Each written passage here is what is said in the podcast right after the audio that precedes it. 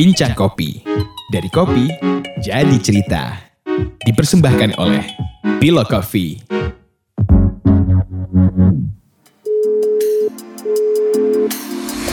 Halo. Halo Bang Hendra, Ya, ini saya Dian. Halo, saya Maria. ya Mbak. Baik, untuk awal Bang Hendra boleh perkenalkan diri Bang Hendra dan dari mana daerahnya? Oke. Jadi eh, saya tuh Nendra eh, dari Palembang. Jadi eh, saya buka roastery rumahan awalnya. Itu dengan brand itu Base Cabin. Terus eh, sekarang eh, kita jamah ke kedai kopi eh, dengan brandnya Base Kopi. Dan di Jakarta ada dua. Dan di Palembang udah ada enam. Jadi total delapan. Oh, Jakarta udah buka Tapi dua-duanya. disuplai langsung dari udah udah buka. Tapi dengan kondisi yang sekarang eh, PSBB ya, karena Palembang kan sampai dengan sekarang belum PSBB, jadi masih lumayan lah. Tapi himbauan dari pemerintah juga lumayan eh, apa kuat. Jadi banyak kedai-kedai kopi akhirnya tutup itu. Jadi untuk base cabin kan lebih ke supply eh, bisnis to bisnis jadi konsep eh, bisnisnya. Jadi B2B. Akhirnya yang pada saat kedai-kedai kopi tutup ya base supply-nya agak nyendat kayak itu. Dari delapan kedai ini buka semua ya Bang saat ini statusnya? Sampai dengan saat ini masih buka kecuali ada satu apa yang Jakarta sih masih kemarin sempat tutup dan sekarang kita udah buka. Yang Oh, dua buka tutup buka tutup gitu ya. iya buka tutup karena eh, posisinya tuh di perhotelan jadi agak susah. Yang Jakarta ini bukanya kan- kapan Bang? Jakarta itu di November, November 2000 tahun kemarin iya. Dua-duanya ya. Ada dua. Iya dua-duanya. Malah rencana mau buka satu lagi di Gatot Subroto. Cuman karena memang kondisi sekarang ada kita tunda. Nah kalau untuk yang Palembang sih masih aman sih mas. Kena ini ya eh, dengan kondisi sekarang. Amannya bagaimana tuh Bang Hendra? Bisa diceritakan lebih Jadi- lanjut? Ah, jadi kan eh, base cabin kan ada dua nih. Ada satu eh, kedai kopi dan satu di roastery. Nah roastery ini yang eh, apa eh, mengasih ngasih untuk eh, supply ke kedai-kedai. Nah, untuk kedai kopi karena memang konsep dari awal yang kita buat dari base cabin itu untuk base kopi itu lebih ke take away. Jadi pada saat dengan kondisi yang sekarang eh, kayak pemerintah untuk membatasin eh, perkumpulan untuk BSK sih masih aman karena polanya tuh nggak terlalu rame. Tapi kita lebih jaga yang kayak ini. Kita mending jaga 10 orang sih, tapi tiap hari itu rutin daripada kita kumpulin banyak orang, tapi pada saat kondisi yang nggak stabil, kita nggak siap dengan kondisi itu. Nah akhirnya kita lebih ke jaga lebih ke produk untuk eh, BSK Kopi. Nah untuk di BSK Bin kan roaster ini, BSK Bin sempat eh, kita turun di omsetnya tuh sampai di eh, 50%. Tapi di Januari saya udah siapin kan BSK Bin ini bisnis to bisnis nih. Ya. Kita belum ngerambah untuk B2C. Nah di Januari kita coba buka eh, di Tokped, di Tokopedia. Januari karena memang kayaknya udah COVID mulai mulai masuk tuh kan. Januari pertengahan saya mulai buka di Tokopedia, buka marketplace di situ. Nah itu mulai pelan-pelan dikenalin. Nah pada saat ada Tokped, ada program satu dalam kopi kita diajak. Nah dari situ mulai eh, naik penjualan sampai dengan sekarang. Oh, satu dalam kopi ini membantu meningkatkan penjualan ya? Kalau untuk kem- eh, kemarin sih iya jauh karena saya sempat diwawancara sama Tokopedia. Oh, bahkan sempat diwawancara. Eh, ah, karena memang dia nanya nih kan gimana tanggapan untuk masalah eh, satu dalam kopi karena ya Cabin sendiri belum pernah masuk ke marketplace. Baru di Januari pada saat kita lihat nih Covid nih, akhirnya kita coba buat itu eh, di marketplace. Nah, untuk yang di kedai kopi di BSK Kopi malahan eh, penjualan lebih stabil. Kecuali ada satu tempat yang kita memang ada di perkantoran karena memang perkantoran tutup kan. ya, ya, ya. Nah kita tutup kayak itu. Tapi untuk yang di luar itu karena Pa- Palembang juga sampai dengan sekarang belum PSBB, ya masih re- relatif aman untuk di BSK. Tapi mereka datang untuk datang ke kedai kopi akan apa ya kayak males. Nah akhirnya kita sama saya juga ngelihat eh, sama kayak eh, di Jakarta yang kopi-kopi botolan. Nah kita pakai itu. Nah, untuk jangkau yang lebih luas sih sebenarnya. Kalau dari segi perkebunan, Bang Hendra ini juga mengelola perkebunan kah? Iya, jadi eh, nah kalau untuk yang itu kan kita kerjasama tuh kita buat koperasi di Semendo. Jadi di Semendo itu sebenarnya bukan koperasi. Jadi kita sama-sama rame- rame-rame itu kita kumpulin untuk buat koperasi biar jadi gini eh, konsep awalnya itu kan dulu pertama kali BSKBin hadir itu sebenarnya untuk jualan eh, kopinya dari Semendo, petani-petani kita olah sendiri. Nah lama kelamaan dari awal kita mulai dari 6 kilo dari rumah, eh, sekarang kurang lebih 1,2 ton per bulan. Itu untuk supply di beberapa roastery, termasuk di luar, Bali, Jakarta juga ada, Bekasi, Depok. Nah dengan kondisi yang sekarang, ya pengaruh. Akhirnya kita lebih banyak numpuk barangnya, mas. Tapi di sisi lain kita juga eh, diarahin sama Pak Surip kan. Kita kerjasama sama eh, Starbucks. Pak Surip yang di konsultan Starbucks dia ngasih arahan terus ke kami untuk ya masalah penjualan. Jadi kita dikenalin beberapa eksportir untuk masuk ke situ. Setidaknya gini, petani kan nggak mungkin bisa nunggu lama. Ya, Kita ya. harus cari pada saat ini. Ini kan kondisi sekarang lagi mau panen. Nah kondisi panen kita kayak misalnya gini, kita serahkan nih mau ngambil semua tuh nggak mungkin bisa. Pada saat kita ngomong satu petani eh, 1,2 ton, gimana nih mau ngelemparnya? Akhirnya kita bentuk koperasi dan kita kerjasama beberapa eksportir untuk skala besar karena petani mau nggak mau dia butuh uang harian. Tapi di sisi lain saya coba buat ke mereka kayak konsep mereka eh, sisain ini eh, misalkan gini panen mereka 1,2 ton mereka simpen untuk selama satu tahun jadi 100 kilo mereka per bulan kirim ke BSKBin. Anggap aja misalkan gini kita ngambil di angka 70 ribu eh, untuk green bean. Karena BSKBin eh, jual untuk roasted bean kita ngambil di tengah mas. Karena eh, kenapa kita jual bawah bukan berarti kualitasnya juga jelek. Ya. Saya pengennya gini, petani biar lebih cepat untuk eh, perputaran uang. Saya beli di angka 70 ribu untuk eh, Arabica Semendo. Saya jual itu cuma di angka 65.200 gram. Itu sudah lumayan kan. Maksudnya dengan 70 dengan selisih 65.000 udah lumayan besar. Tapi pada saat kita ngomong nih petani 100 kilo, berarti 7 juta tuh gaji petani. Untuk di kebun, satu petani gaji 7 juta itu udah sehat. Akhirnya mereka stok tuh 12 bulan, mereka siapin per bulan itu 100 kilo. Nah ini jaga. Nah pada saat dengan kondisi sekarang, kondisi sekarang yang penurunannya 40%, otomatis kita juga eh, ke petani juga 40% ikut. Akhirnya saya coba untuk eh, kedai-kedai kopi yang udah relasi sama BSKBin, dia gini, mereka kan ada ketakutan nih untuk mau buka. Kita coba ngajak nih biar buka kan. Maksudnya itu kita jual lah. Eh, yang penting kita buka, kalau rezeki kan pasti datang. Mm-mm. Tapi pada saat kedai-kedai kopi eh, sudah nyerah di awal, ya ini gimana mereka dapat rezeki. Nah akhirnya eh, ini kayak udah ngelewatin fase yang bulan kemarin nih mas, kalau Palembang. Mm-mm. Palembang tuh pasnya di bulan kemarin tuh hampir drop-drop kedai-kedai kopi tutup semua. Nah di bulan ini di awal bulan kedai-kedai kopi udah mulai buka.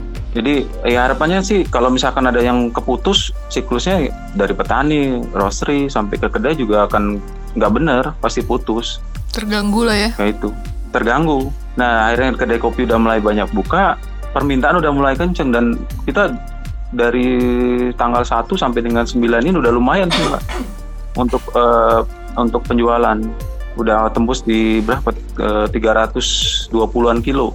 Untuk kopi semendo aja itu ya. Eh, kita semua sih, tapi terbesarnya tetap sedih semendo karena untuk house blend yang ciri khas kan kita nggak mungkin masukin kita harus masukin eh, kopi lokal. Yang semendo ini ya. kan di base camp ya semendo. Itu wajib. Karena eh, pada saat kita ngomong pada saat kita nih ngomong eh, kita bawa single origin lokal. Kita harus naikin nih semendo. Tapi naikinnya dalam bentuk quantity biar petani kita banyak ngambil. Ya kita masukin di beberapa house blend. Dengan total ada house blend di base cabin itu ada 8 jenis house blend. Nah itu masukin semua.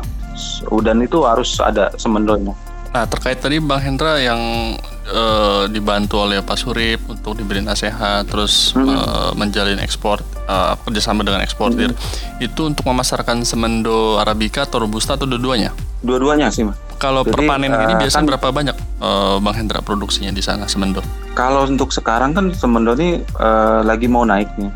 Kalau total-total untuk produksi dengan Nah, nah, jadi gini, Ya, ya. yang semendo ini sebenarnya ini nih eh, kebun eh, yang dikasih bibit eh, sama pemerintah tuh pada tahun 98 dengan varietas Kartika. Nah, eh, semendo dulu lebih dikenal sama orang-orang tuh kopi Padang. Jadi eh, kopi Padang pada saat itu mereka mau jual nih, tapi nggak ada yang beli karena rasanya tuh aneh. Hmm, hmm. Nah, akhirnya harga Arabica Semendo dulu harganya cuma 22.000.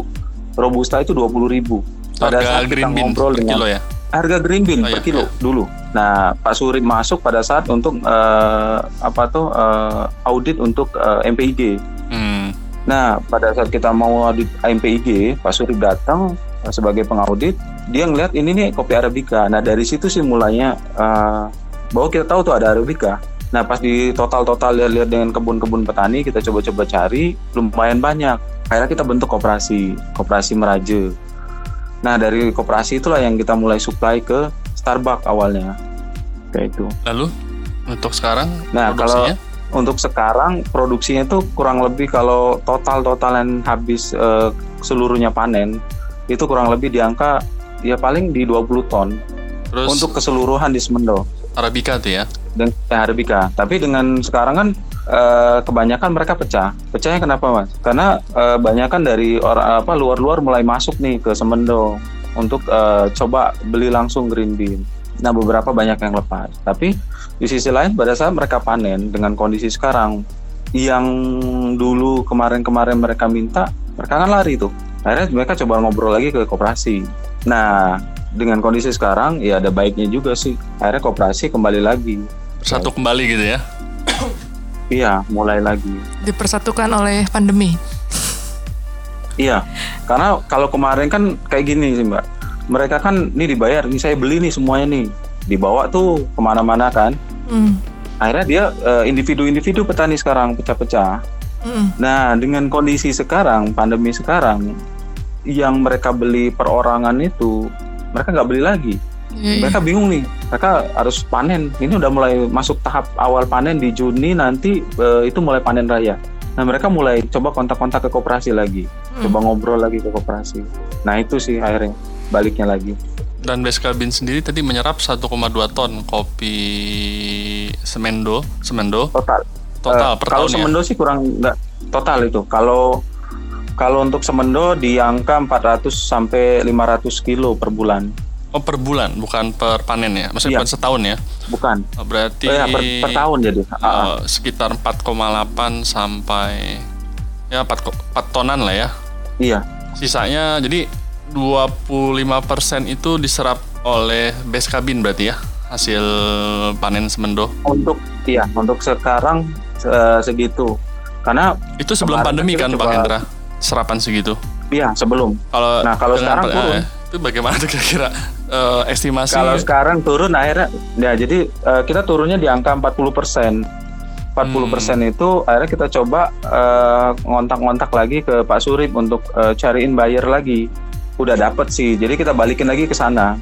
Karena eh, jadi gini, kemarin juga kan Pak eh, Pak Surip eh, dari Starbucksnya tuh dengan kita coba eh, apa tuh galang-galang dari pemerintahan termasuk Bank Indonesia, termasuk PTBA, termasuk Starbucks untuk eh, buka eh, klaster baru di Semendo dan sekarang udah lumayan banyak.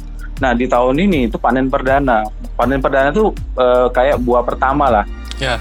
Nah pada saat mereka petani-petani baru yang dulunya mereka pangkas, kebun-kebun kopi mereka pangkas tuh digantiin sama sayuran dan sekarang mereka kita coba bawa lagi ke Arabica dengan nilai ekonomis yang lebih tinggi. Dengan kondisi sekarang mereka kayak nggak percaya siapa yang mau beli. Mhm. Padahal dengan kita nggak nyangka kalau misalkan pandemi sekarang muncul, mereka lagi nikmatin panen pertama, pa- apa buah pertama, dan mereka pengen ngerasain nikmat itu, pendapatan itu, tapi ya kebalik akhirnya. Mhm. Nah kita coba-coba lagi cari-cari apa Jalan lagi. pembeli itu ya. Kalau harga sendiri Iya, turun tapi udah. Kalau harga sampai dengan sekarang nggak masih masih di rentang 70. 70 sampai di 90. 70 tuh gini Mas. 70 tuh langsung dari bawah. Terus untuk harga jual umumnya bisa di angka 80 sampai 90. Hmm. Sama sih kayak standarnya umum kayak itu. Cuman pada saat kita ngomong skala besar, petani kita tampung di koperasi, nanti kan uangnya balik lagi ke mereka. Jadi kita butuh eh, kayak ya dimodalin dulu sama koperasi di awal.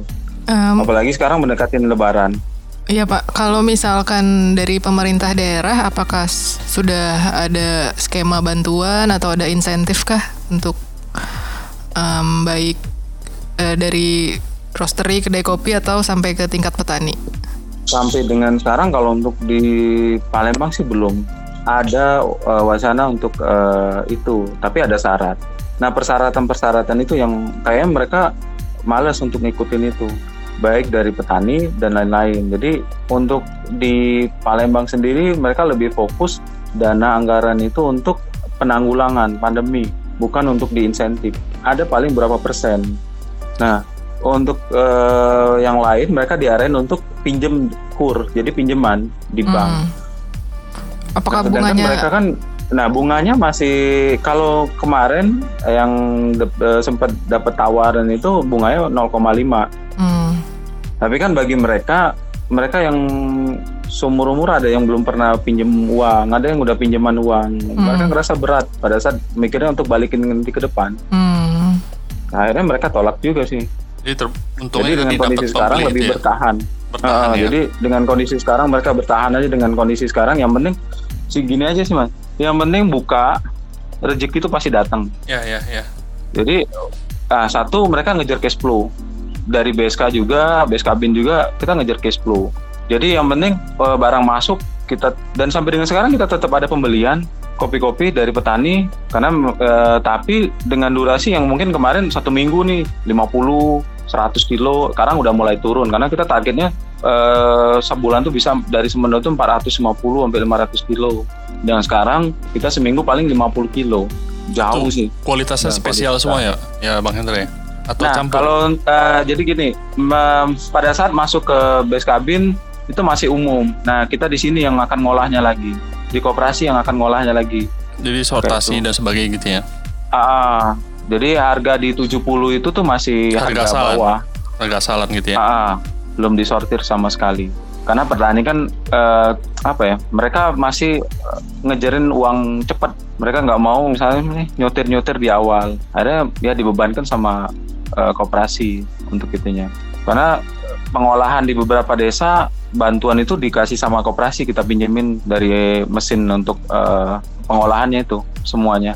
Jadi kalau kembali lagi ke situasi kedai itu saat Hmm. ini udah mulai eh, ada geliat lagi ya karena udah melewati fase tadi yang awal-awal tuh banyak yang tutup sekarang mulai buka kembali gitu ya jadi mulai ada eh, geliat penjualan lagi ya Bang Hendra ya Kalau untuk bulan ini, iya. Kalau Bulan ya? kemarin itu udah hampir drop. Iya, bulan ini sih.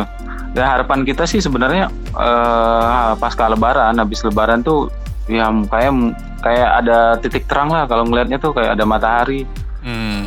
Karena banyak keterkaitan mas. Pada saat eh, kedai kopi tutup, roastery itu habis-habisan itu. Di sisi lain, gimana mereka beban eh, dengan petani-petani yang mereka selama ini mereka eh, tunjang kan, mereka beli kayak itu. Nah pada saat kedai-kedai kopi tetap buka, jadi akhirnya eh, kita juga kadang ngasih eh, apa eh, dengan kedai kopi kayak persentase diskon, kita turunin harga biar kedai kopi juga tetap jalan. Terus tempo pembayaran yang kita pakai ke kedai-kedai kopi itu sih mas yang kita pakai sekarang. baik Bang Hendra terima kasih atas eh, waktunya Ya. sudah berbagi dengan kami Sama-sama, dan Mas. sebagai penutup mungkin Bang Hendra ada tambahan atau yang ingin disampaikan ulang sebagai penutupan kalau saya pribadi sih dengan kondisi yang sekarang ini eh, yang untuk masalah rezeki itu pasti ada semuanya. Cuman kalau dari kita yakin bahwa ini nih pasti ada rezeki dan kita itu datang setiap hari, ya tetap buka. Kita tetap ngasih pelayanan, ngasih ngasih apa tuh? eh, ngasih produk terbaik kita untuk mereka nikmatin. It, karena kondisi sekarang semua orang tuh masih butuh kopi. Cuman mereka nahan karena untuk kebutuhan lain-lain. Hmm. Nah, pada saat kita tetap kasih dengan produk-produk terbaik kita, mereka akan jadi pelanggan terbaik kita dan itu yang akan menjadi support eh, sirkulasi eh, dari petani, roastery sampai ke kedai kopi. Mungkin itu ya Jais Mas. baik baik Bang Hendra Ya, Terima kasih eh, Pak Hendra untuk Iya, ceritanya dan sama-sama. waktunya. ya assalamualaikum warahmatullahi wabarakatuh Bang Hendra Waalaikumsalam warahmatullahi wabarakatuh. Kami berharap curahan hati ini dapat menebarkan solidaritas. Dan memantik nyala semangat bagi kita semua. Terima kasih telah mendengarkan Bincang Kopi. Sampai bertemu lagi di episode berikutnya.